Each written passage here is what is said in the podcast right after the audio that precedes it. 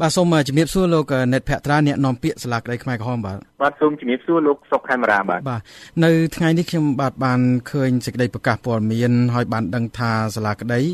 បានបញ្ចប់សវនាការស្ដាប់ការធ្វើសេចក្តីសន្និដ្ឋានបិទបញ្ចប់កិច្ចពិភាក្សាដេញដោលក្នុងសំណុំរឿង002វគ្គ2ដែលមានជនជាប់ចោតពីររូបគឺ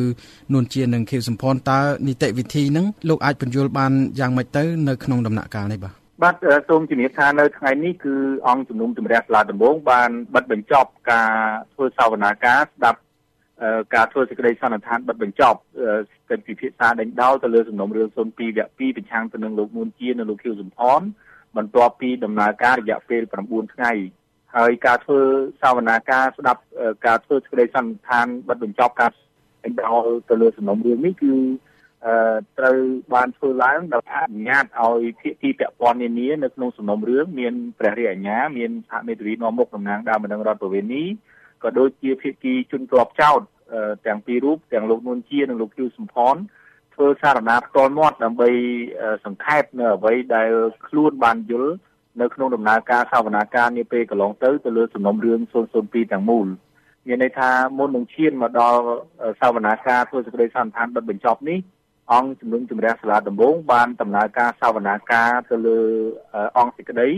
ដោយបានចាប់ផ្ដើមឡើងតាំងពីថ្ងៃទី5ខែមករាឆ្នាំ2015ហើយបានទៅវិញគឺនៅថ្ងៃទី11ខែមករាឆ្នាំ2017ដែលការសវនាការនោះគឺមានរយៈពេល274ថ្ងៃដោយនៅក្នុងនោះគឺបានកោះហៅនៅសាកសីចំនួន 114នាក់មកសាកសួរដែលម្ដងរដ្ឋប្រវេណីចំនួន63នាក់និងអ្នកជំនាញចំនួន8នាក់ដើម្បីមកឆ្លើយទៅនៅចំពោះមុខអង្គជំនុំជម្រះពាក់ព័ន្ធជាមួយនឹងបទចោតផ្សេងផ្សេងនៅក្នុងសំណុំរឿង002វគ្គ2ប្រឆាំងទៅនឹងជនជាប់ចោតលួនជាឈីវសំផនដែលមាន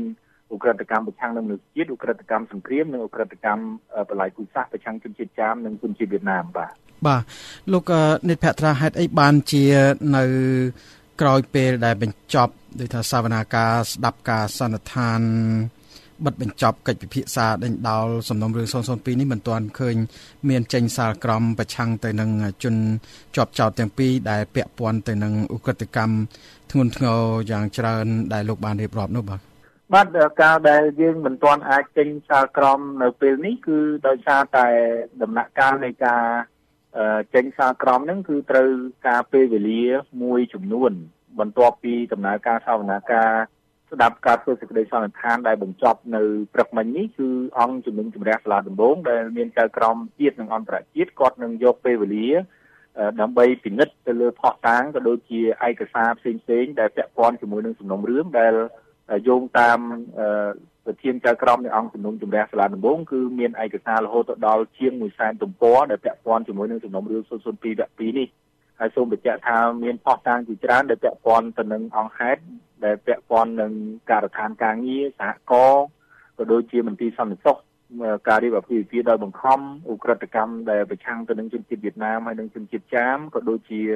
ការបោះសម្អាតផ្ទៃក្នុងហើយនិងចំនួនប្រដាប់អាវុធរវាង កម្ពុជានិងវៀតណាមនិងទូនីតិរបស់ជនជាប់ចោតនៅក្នុងរបបកម្ពុជាជាធិបតេយ្យអញ្ចឹងចៅក្រមនឹងយកពេលវេលាពីពេលនេះទៅមុខដើម្បីពិនិត្យហើយនឹងធ្វើសេចក្តីសម្រេចទៅលើសំណុំរឿង02វគ្គ2នេះថាតើជនជាប់ចោតទាំងពីរដែលត្រូវបានចោទប្រកាន់អំពីអក្រិតកម្មសំខាន់សំខាន់ទាំង3ហ្នឹងតើពួកគាត់មានពិរុទ្ធភាពឬមួយក៏មិនមានពិរុទ្ធភាព ហើយសូមបញ្ជាក់ថានៅក្នុងដំណើរការសវនាការរយៈពេល9ថ្ងៃនៃការធ្វើសេចក្តីសន្និដ្ឋានហ្នឹងគឺទាំងភាគីព្រះរាជអាជ្ញាទាំងខាងជនរងគ្រោះគឺបានលើកឡើងថាជនជាប់ចោតគឺមានផុសតាងគ្រប់គ្រាន់លើកពីវិមតិសង្ស័យដើម្បីសម្រេចថា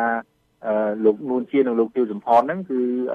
មានពិរុទ្ធភាពនេះគឺពីផ្នែកព្រះរាជអាជ្ញានិងជនរងគ្រោះ ហើយសូមបញ្ជាក់ថាព្រះរាជអាជ្ញាគាត់បានស្នើសុំទៅកាន់អង្គជំនុំជម្រះសាលាដំបងនៅពីរចំណុចគឺទី1ស្នើសុំឲ្យសម្រេចថាលោកនួនជានិងលោកទាវសំផន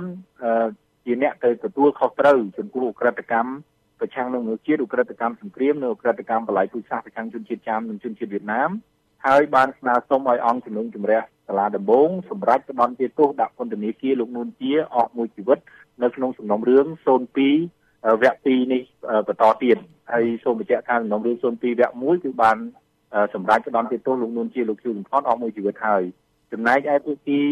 ជនរងគ្រោះវិញគឺបានស្នើសុំឲ្យអង្គជំនុំជម្រះទទួលស្គាល់នៅការធ្វើសុខកម្មក៏ដូចជាផ្ទះសនកម្មរបស់ជនរងគ្រោះដែលទទួលទទួលរងនៅក្នុងរបបកម្ពុជាប្រជាធិបតេយ្យការជួយទុកចាប់ការវិនិច្ឆ័យការនិរិះព្រាត់ប្រាសការស្លាប់បាត់បង់ជីវិតអីជាដើមក៏ដូចជាការស្នើសុំសំណង ឲ្យអង្គជំនុំជម្រះសម្រាប់ផ្ដល់សំណងក្នុងករណីដែលរកឃើញថាលោកឌួនជានិងលោកជឿសំផនមានប្រតិភិបហើយយើងឃើញថាមានការឆ្លើយតបពីសំណាក់មេធាវីការពារក្តីឲ្យជនជាប់ចោតរួមនឹងជនជាប់ចោតខ្លួនឯងផ្ទាល់ឆ្លើយតបទៅនឹងការលើកឡើងការចោតប្រកាន់របស់ព្រះរាជអាជ្ញាដោយនៅក្នុងនោះគឺទាំងមេធាវីលោកនួនជានិងលោកជឿសំផនបានលើកឡើងថាកូនក្តីរបស់ខ្លួនគឺមិន មែនជាអ្នកទទួលខុសត្រូវទៅចំពោះការស្លាប់នឹងទេហើយការអនុវត្តនៅគោលនយោបាយផ្សេងផ្សេងគឺគាត់តែមានហេតុផលច្បាស់លាស់ជាដើមលោកភ័ត្រាគាត់បានបាទខ្ញុំចង់កាត់ផ្សាយលោកពីរឿងថាការបដិសេធពីលោកខៀវសំផននៅក្នុងដូចថាការធ្វើបទបង្ហាញរបស់លោកនៅនីតិចុងក្រោយនោះតើការបង្ហាញថា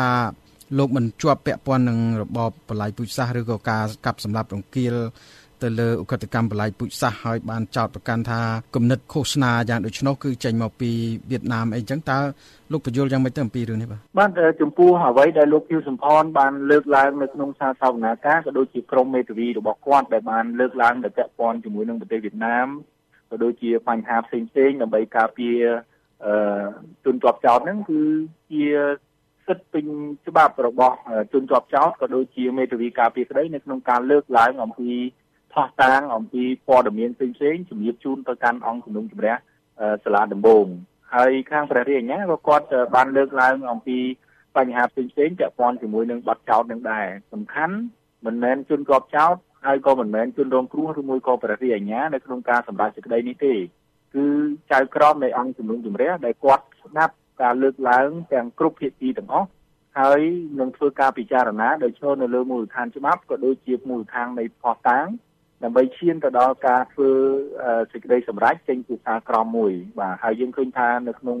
សារសវនាការហ្នឹងគឺក្រមមេធាវីលោកនួនជាលោកភីសំផនគាត់បានស្នើសុំឲ្យអង្គជំនុំជម្រះសម្លាក់ប័ណ្ណចោតប្រឆាំងទៅនឹងកូនក្តីរបស់ខ្លួនហើយស្នើសុំឲ្យមានការដោះលែងឲ្យមានសេរីភាពនៅក្នុងសំណុំរឿង02វគ្គ2នេះបាទហើយត្រង់ថាការសម្រេចយ៉ាងណា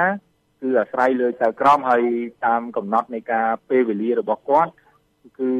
យោងតាមផែនការសកម្មភាពដែលអង្គជំនុំជម្រះសាលាដំបងកំណត់ហ្នឹងគឺការប្រកាសសាលក្រមទៅលើសំណុំរឿង02វគ្គ2នេះគឺអាចនឹងធ្វើឡើងនៅក្នុងឆមាសទី1ឆ្នាំ2018ខាងមុខបាទបាទសូមអរគុណច្រើនលោកនៃភក្ត្រាអ្នកនាំពាក្យនៃសាលាក្តីខ្មែរក្រហមដែលបានផ្ដល់កិច្ចសម្ភាសជាមួយនឹង VOA ផ្នែកខេមរៈភាសាសូមជម្រាបលាលោកតែប៉ុណ្ណេះបាទបាទសូមអរគុណលោកខេមរាហើយសូមអរគុណប្រិមិត្តដែលស្ដាប់វិទ្យុ VOA បាទ